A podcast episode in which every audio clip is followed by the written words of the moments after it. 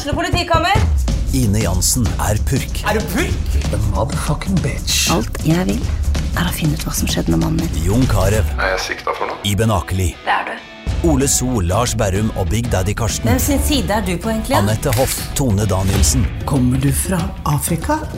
Jørnis Josef, Nesten. Kløfta. Trond Espen Seim, Det er synd å si det, men det var feil mann som døde. Purk. Premiere tirsdag på TV2 Play. Saken om den eh, tidligere fotballdommeren som har lurt over eh, 400 unge gutter eh, på nett, har rysta Norge og Østlandet. Noen av guttene er fra Sarpsborg. Og mm, advokat Ane Sofie Tømmerås, du er advokat for en av eh, guttene fra Sarpsborg. Vi har tatt turen til eh, kontoret til eh, Tømmerås på Grålum eh, gård. Og nylig satt du i retten i Nedre Romerike og hørte om den saken her. Og tiltalen var på hele 81 sider. Vanligvis så er en tiltale på én side. Ja, eller noen få, i hvert fall. Ja. Og 81 sider, det sier kanskje litt om omfanget, for det er mange involverte her. Det er det. Men altså, han lurte ungdommer, da. Hvordan var det han eh, lurte dem? Hvordan var det han gikk fram? Han, eh, han var veldig lur, da. Det er en eh, smart mann, det er det ingen tvil om. Og han brukte masse tid og krefter på det her. Eh, Det han gjorde, var at han gikk på nett og fant en, han, en jente som han faktisk kjente til fra før. En pen og flott jente. Eh, Så tok han bildene hennes, som hun hadde helt vanlige portrettbilder som var liggende ute på sin egen Facebook-profil og andre eh, steder på nett. da. Så han tok identiteten hennes, ga seg ut for å være ei jente som ja, Noen ganger sa han han var 15, noen ganger 16 og noen ganger 17 år. Alt ettersom hvem han snakka med og hvor gamle de var. Og lagde seg profiler på flere sånne sjekkesteder og chattesteder på nettet. Så tok han kontakt med unge gutter, da. Helt ned i ni års alder. Eh, Og først så bare koseprata han litt med dem. Sånn kjappe, små replikker, og, og sånn som en gjør når en snakker med folk en ikke kjenner. Og så fikk han mer og mer kontakt. eh, Og så begynte han å dreie det over på seksuelle ting. Eh, Og så betrodde han seg liksom til dem da, om hva hun, som han kalte seg, likte av seksuelle ting. Og det var litt sånn avvikende og litt annerledes, men ikke sånn forferdelig, liksom. Eh, og så begynte han å oppfordre dem til å gjøre ting med seg selv og filme det og sende det til henne. da. Eh, og de fleste ville jo ikke det. Noen hoppa bare av og ville ikke snakke mer med han, mens noen fortsatte å snakke.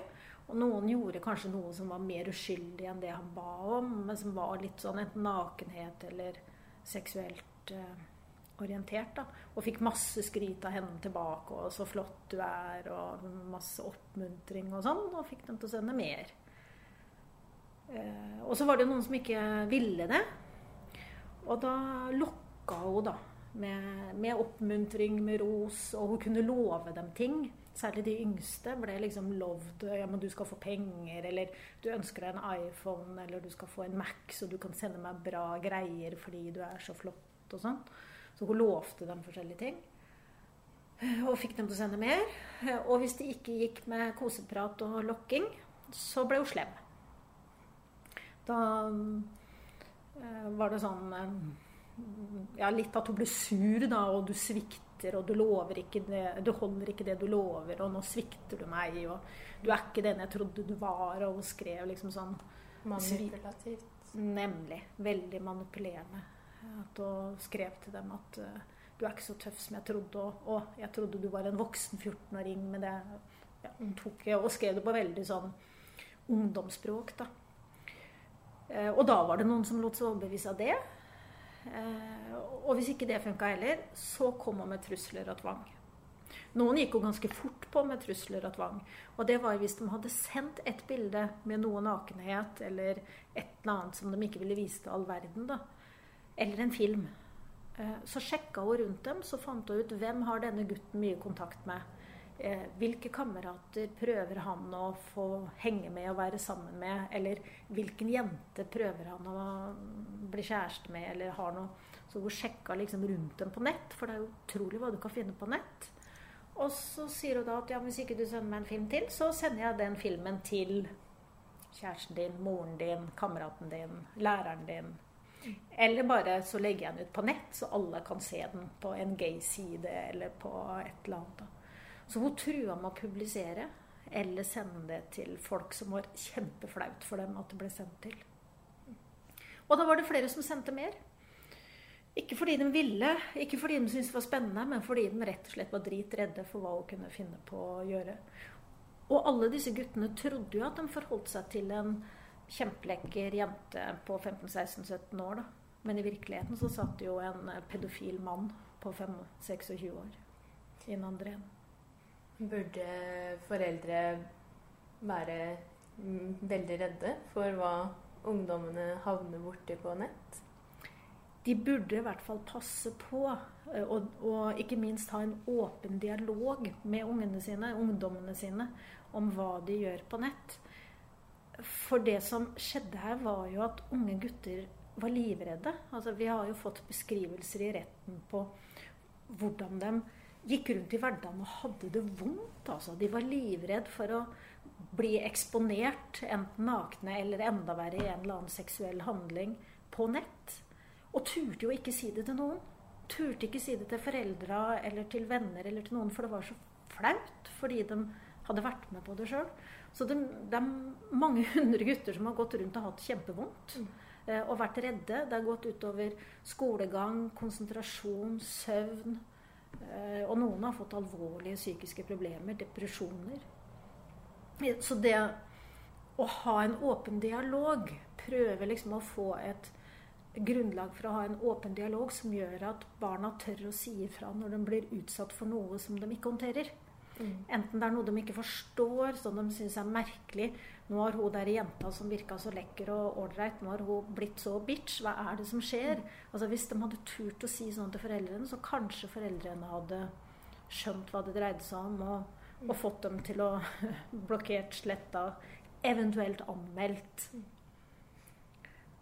Eh, for det er jo det som var sjokkerende for meg her. Det er at her var det altså mer enn 400 gutter som blir utsatt for ting som er ulovlige etter straffeloven, ingen av dem anmelder. Altså, det er ikke lov å tvinge noen til å gjøre noe som de ikke vil. Eh, om du da gjør det med eh, altså Uansett hvordan tvangen er, da, eh, så er det forbudt. Så over 400 gutter blir utsatt for noe som er forbudt, og de tør ikke si ifra til noen. Mm. Og så kom det til slutt inn, etter at denne mannen hadde holdt på i nesten tre år, så kom det inn anmeldelse. Og det var fra en fostermor som hadde en av guttene i fosterhjem. Hun anmeldte for hun skjønte at her er det noe som skurrer. Dette stemmer ikke. Det her kan ikke være en ung jente. Mm. Så hun anmeldte. Mm. Uh, etter tre år, etter, når han har holdt på i tre år. Mm. Uh, og så ble han uh, tiltalt, eller ja, tiltalte ble han Han er ikke dømt ennå. Dommen foreligger ikke ennå. Eh, men han har jo erkjent eh, langt de fleste forholdene, så det er klart at han har gjort det. Og det er jo uomdrivelige bevis, for chatteloggene ligger jo der. Eh, så ble han tatt inn etter at han ble anmeldt, i varetekt. Satt i varetekt i to uker. Men da var ikke politiet klar over mengden og omfanget og hvor aktiv mm. han hadde vært. De trodde at det var én og kanskje to han hadde holdt på med, så han slapp ut igjen. Og fortsatte virksomheten sin under en annen identitet. Så da tok han identiteten til enda en jente, eh, oppretta profiler og kjørte på igjen. Og da kom det en ny anmeldelse fra en mor som også reagerte. Og da ble han satt inn, og siden har han sittet inne. Og det kommer han til å gjøre i mange år. Eh, aktor la ned påstand om 16 eh, år i fengsel. Mm. Egentlig 18, men 16 pga. diverse omstendigheter. Og over 30 millioner i erstatning til sammen da, til eh, guttene. Og da er omfanget en eh, stor hovedfaktor eh, til antall år i fengsel? Ja. omfanget, at han har gjort dette mot så veldig mange. Men dessuten også alvorlighetsgraden og skadene på guttene. For det er jo noen av guttene som virkelig har fått store psykiske problemer, og noen som var ekstra sårbare i utgangspunktet. At det var gutter som slet med et eller annet, og som fikk det her. Eh, og også alvorlighetsgraden. For noen av disse guttene traff han også i virkeligheten. Og da lot han som om han var kamerat til hun jenta. Så guttene dro, de trodde de skulle treffe jenta, og så kom en kamerat av henne isteden og sa dessverre hun har ikke mulighet til å komme pga. et eller annet. Eh, men hun vil så gjerne se en film hvor du gjør sånn og sånn. Eh, og det endte også med voldtekt, da. Så, hvor mannen voldtok gutten og filma. Så det er også alvorlighetsgraden her, da. At noen av tilfellene er ekstra alvorlige. Guttene er fra ja, ni, som du sa, til Eldste på 20? Ja. Mm. Yngste er 9 år, og den eldste var 20 da det skjedde. De fleste lå sånn mellom 14 og 16. Så mm, sakkyndig mener jo at mannen er pedofil. At mm. han har en preferanse for de helt unge guttene. Og i tillegg så sa han jo også i retten at de yngste guttene var lettest å lure. Eh, og han var jo fotballdommer. Han hadde med unge gutter og barn å gjøre, så han kjente sjargongen. Han visste hvordan han skulle opptre som en 15 år gammel jente. Han visste hvor de ømme punktene til guttene var. Eh, og han sa at de yngste var lettest å lure. Og det er jo også noe foreldre bør være oppmerksom på. da, At uh, du er utsatt altså jo yngre du er. Og det var jo bare gutter. For det har jeg også litt inntrykk av at foreldre er kanskje flinkere til å verne om jentene sine. Eh, vi er liksom vant til at det er jenter som er utsatt for eh, den type overgrep. Enten det er i virkeligheten eller det er på nett. Men gutter er også utsatt, også. Og særlig når du er ung. Og det er helt sikkert mye mørketall rundt nettovergrep også. Sånn som den saken her viser, at eh, det bobla sprakk først etter tre år, når det kom en noen to anmeldelser. Mm. Helt sikkert. Eh, og politiet tror jo også at det er mye mørketall på nett, hvor du har mennesker som ikke er så hyperaktive som denne mannen var. For han sendte jo flere tusen meldinger iblant på nett. Han var i full jobb. Kom hjem fra jobb, satte seg ned ved PC-en, eh, avbrøt med å spise, sånn han beskriver det selv. Holdt på hele ettermiddagen og langt utover kvelden. Sto opp om morgenen, eh, så på hva lå av chatter, og fortsatte. Og han hadde jo titalls chatter gående på en gang som han drev og svarte på og sendte og ordna. Så han hadde opptil par tusen meldinger som han sendte på et døgn. Så han, han her var jo spesielt aktiv og hadde stor arbeidskapasitet, da, for å kalle det det. Og det er jo ikke vanlig, heldigvis. Men at det er mange som driver med lignende. At de gir seg ut for å være en annen enn det de er. Eller tvinger noen til noe og misbruker det etterpå. Det er det nok store mørketall på. Hvordan, det, hvordan var det å sitte i retten og høre på hva han hadde å si om det, om saken? Det var veldig rart. Fordi han mannen fremstår som en veldig ålreit fyr. Uh, han var, altså Før han ble tatt, da, så var han kjempegodt likt. Han var en ressurs i fotballmiljøet som han var i. Uh, han fremstår sympatisk med et vinnende vesen. Uh, kjekk og pen og grei og veltrent og veldig ordentlig. Men sånn er det jo. Det er derfor det er så skummelt når noen kaller pedofile og overgripere for monstre. For det er eh, monstrøst det de gjør, men de kan være verdens flotteste, sympatiske personer utad. Eh, og hvis vi tror at en pedofil overgriper er et monster, så finner vi dem ikke. Det er naboen, det er onkel, det er eh, våre hyggelige eh, kollegaer. Så han fremsto så innmari ordentlig. Og så det som slo meg, var at han delte eh, verden i den virkelige verden og i nettverden. Mm -hmm han var liksom veldig sånn Å nei, jeg ville aldri gjort noe, noe vondt i den virkelige verden. Og det gjorde han jo ikke heller. Han var en snill og godt likt uh, voksenperson i, i, fotballmiljøet med barn og unge. Eh, så det var nok sant. Eh, og han, jeg tenkte ikke på hvor unge de var, og at seksualitet var nytt for dem. Og jeg ville jo aldri prøvd meg på en 14-åring eller 15-åring i virkeligheten. Og det var nok sikkert sant. Men det han ikke forsto, det var at nettovergrep skjer i den virkelige verden. Han delte liksom verden i den virkelige verden og i nettverden. Så han forholdt seg ikke til at i den andre enden av PC-en så satt det faktisk en levende gutt med levende følelser og, eh, og fikk levende skader eh, etterpå. Eh, og det ble jeg helt sånn forundra over, hvordan han liksom delte verden i nettverden og virkelig verden. Men så har jeg tenkt på det etterpå, og jeg er redd for at han ikke er alene om å gjøre det. altså. At vi kan ha en tendens til å tenke at æsj, nei, det er jo bare på nett.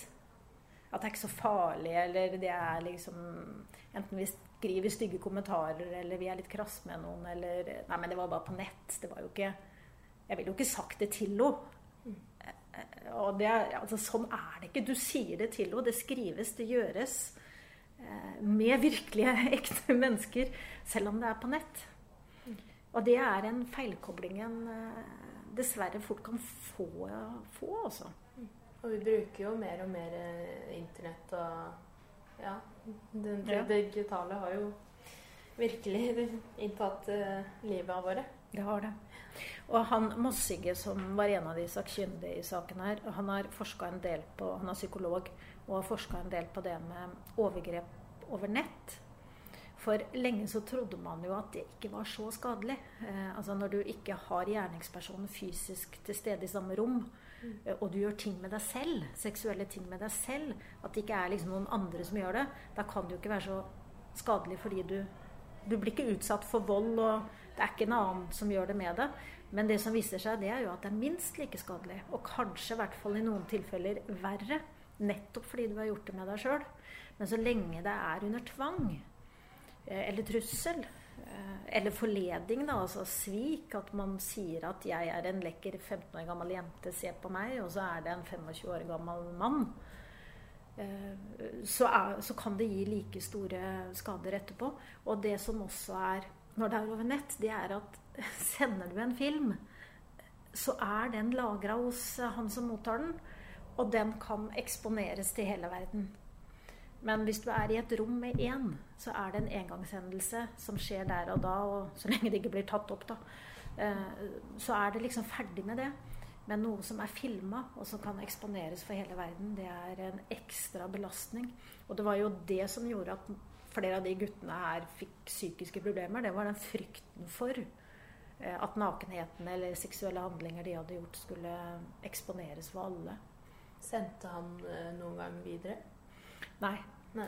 det, I liten grad det han sendte videre, var at han ville instruere dem om hvordan de skulle gjøre ting. Mm. Uh, og da kunne han sende en film av en av guttene til en av guttene for å ja. si 'gjør sånn som han her ja. gjorde'. 'Dette er eksen min', sa liksom mm. hun jenta. Og jeg likte så godt når han gjorde sånn. Kan ikke du gjøre det? Så han spredde noen få filmer uh, mm. fra en gutt til en annen. da. Mm. Men han gjorde ikke det han trua med. At han skulle sende det til venner og kjente og legge det på nett offentlig og sånn. Det gjorde han ikke. Det var bare trusler. Men for, det visste jo ikke guttene. At han ikke Eller hun, som de trodde det var. De visste ikke at hun ikke kom til å gjøre det. Og tok det som en reell trussel. Og gjorde flere ting. Det er til og med film hvor en gutt står og gråter og gjør ting. Men han tør ikke la være fordi han er så redd for hva som kan skje. En helt ung gutt. Det var helt grusom påkjenning for dem. Og det er en ekstra belastning, da. Du har gjort noe med deg selv som du egentlig ikke ville gjøre.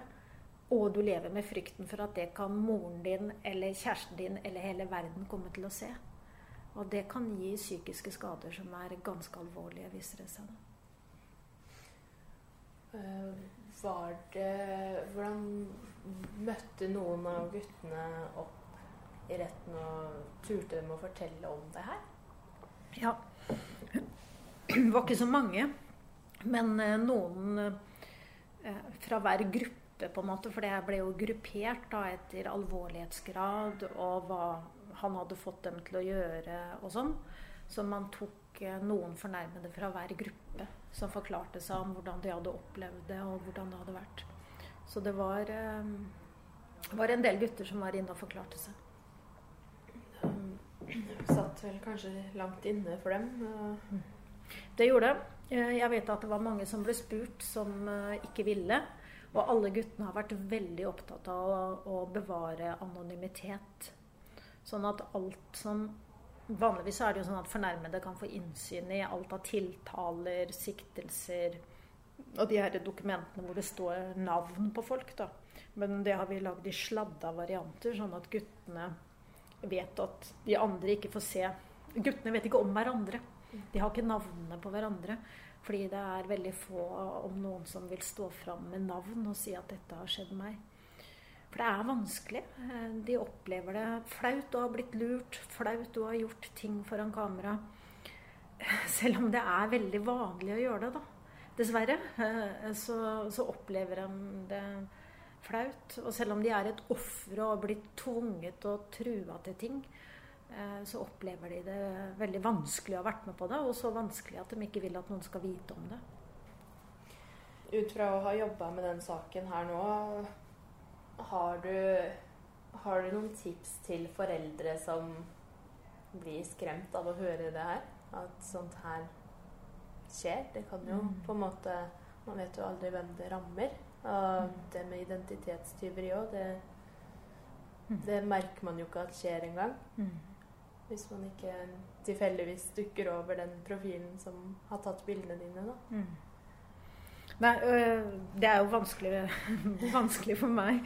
Men øh, Og det er sikkert fagfolk òg som kan gi råd om det. Men det jeg tenker er viktig, det er at øh, man prøver å ha en åpen dialog med barna sine. Eh, Og at man tar samtalen om eh, det med identitetstyveri og det med at hvem sitter i den andre enden? Hvem har du egentlig chatta med nå? Er du så sikker på? Kjenner du vedkommende? Altså At man tar samtalen om hvor lett det er å bli lurt på nett. Og ofte så tror jeg vel at ungdommen kan egentlig vite mer om det enn foreldrene sine. Eh, og derfor så kan det kanskje være vanskelig å være den forelderen som skal eh, ta det opp og belære. Da. For det kan godt hende at ungen din vet mer enn deg om det. Men nettopp derfor en samtale. Eh, du, foreldre kan jo kanskje be barna sine om Kan ikke du fortelle meg hvordan fungerer egentlig den chatteloggen der? Hvordan vet du at det er hun? Hvordan fungerer? Hva er For ofte så tror jeg at ungene kan vite mer.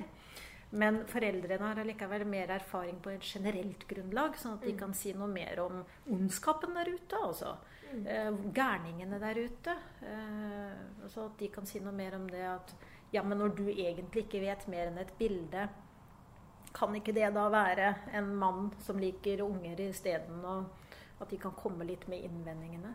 Rett og slett um, Foreldre og barn kan rett og slett fylle ut hverandre, holdt jeg på å si. Ja, jeg tror de kan det med hver sin kunnskap. Mm. Og at de da klarer å ha en dialog, og ikke en sånn formaning. For hvis foreldre kommer og sier nei, du må ikke være på line eller krik for der er det farlig, Mm. så blir det veldig feil. For det er ikke farlig i utgangspunktet å være, verken på Facebook eller line eller hvor du måtte være. Men det er misbruket av de kanalene som er farlig. Mm. Og så kan man alltids blokkere hvis man uh, syns noen er ubehagelig, f.eks. Det kan man. Og det å rygge ut tidlig, hvis man Ja. føler at noe skurrer, at noe ikke stemmer, eh, eller at noe blir ubehagelig, at man blir bedt om å gjøre noe man egentlig ikke vil. Altså rygg ut, legg ned, blokker, logg deg av hele mm, greia. Altså. Si det til en voksen, kanskje. Ja, og hvis man opplever trusler, si det til en voksen. Anmeld det til politiet. Det er ikke lov å true på nett. Det er ikke lov å si ja, hvis ikke du sender meg det, så skal jeg legge ut bilde av deg. Eller eh, kanskje om du ikke har sendt et bilde, så kan det være trusler om da manipulerer jeg et bilde med hodet ditt på. Hvis du ikke gjør sånn, så skal du Altså et eller annet. Så anmeld det. For det er ikke lov å sende sånn på nett. Og det som er litt fint, det er at det meste Det som var med han her, det var at han måtte erkjenne det meste, for det lå jo der. Og de fleste chattelogger og sånn, det ligger jo der hvis du ikke sletter det. Så det er veldig lett å anmelde, for beviset ligger der. Han er eh, fyren i saken her, han hadde over 16 000 filmer liggende på PC-en sin som han hadde fått fra de her eh, unge guttene gjennom åra.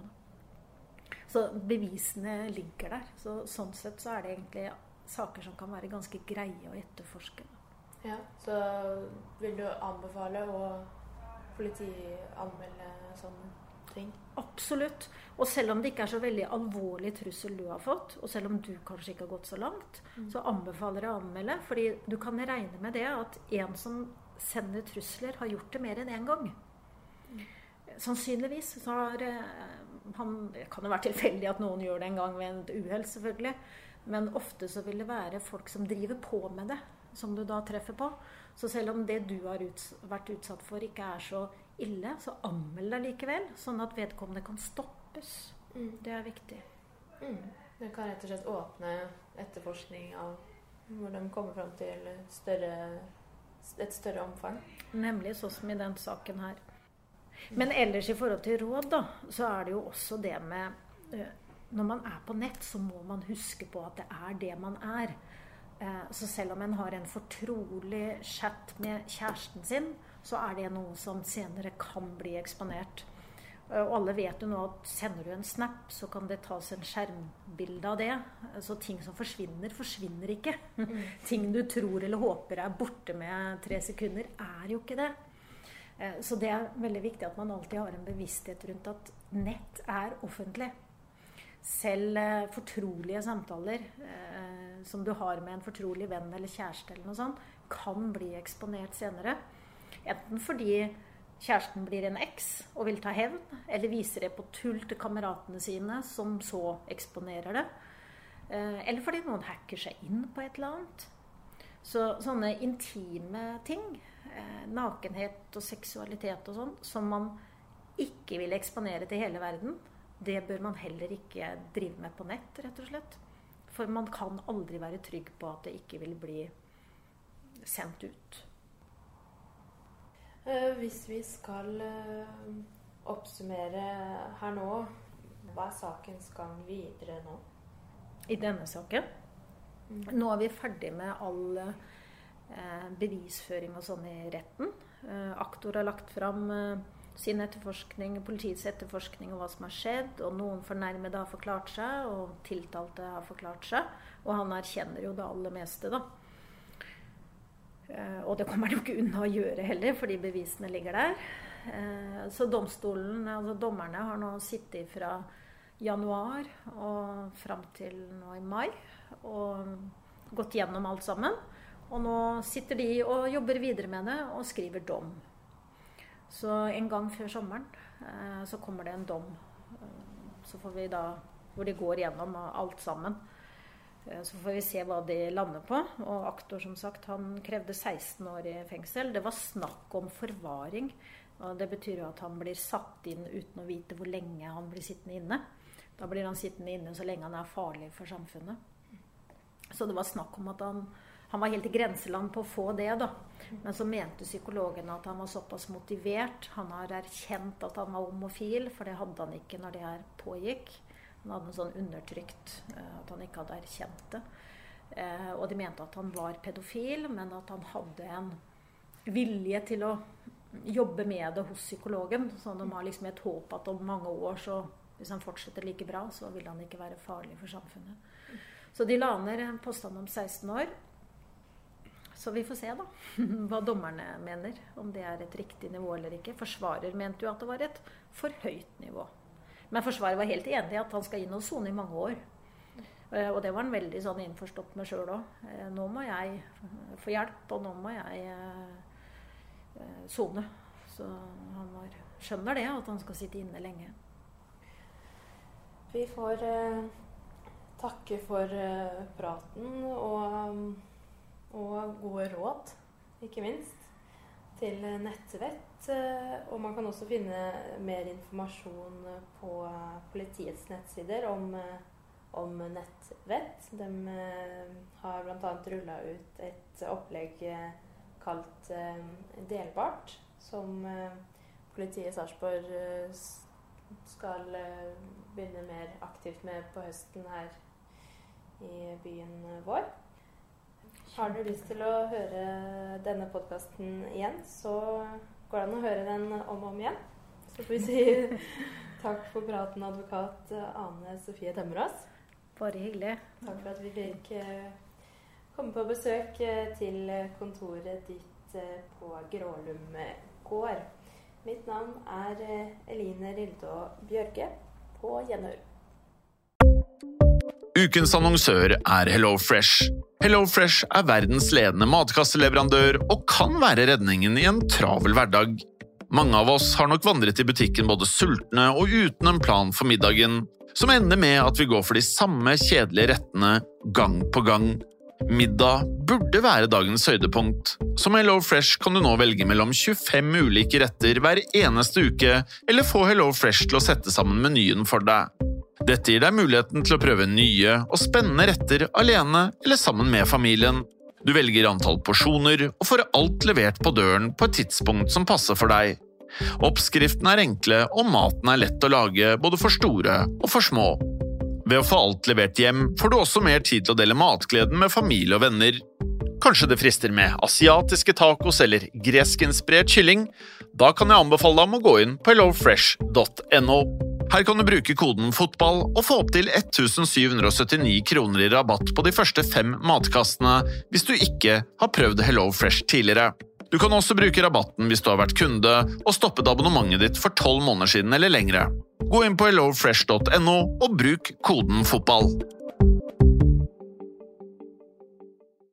Har du et enkeltpersonforetak eller en liten bedrift? Da er du sikkert lei av å høre meg snakke om hvor enkelt det er med kvitteringer og bilag i fiken, så vi eh, gir oss her, vi. Fordi vi liker enkelt. Fiken superenkelt regnskap.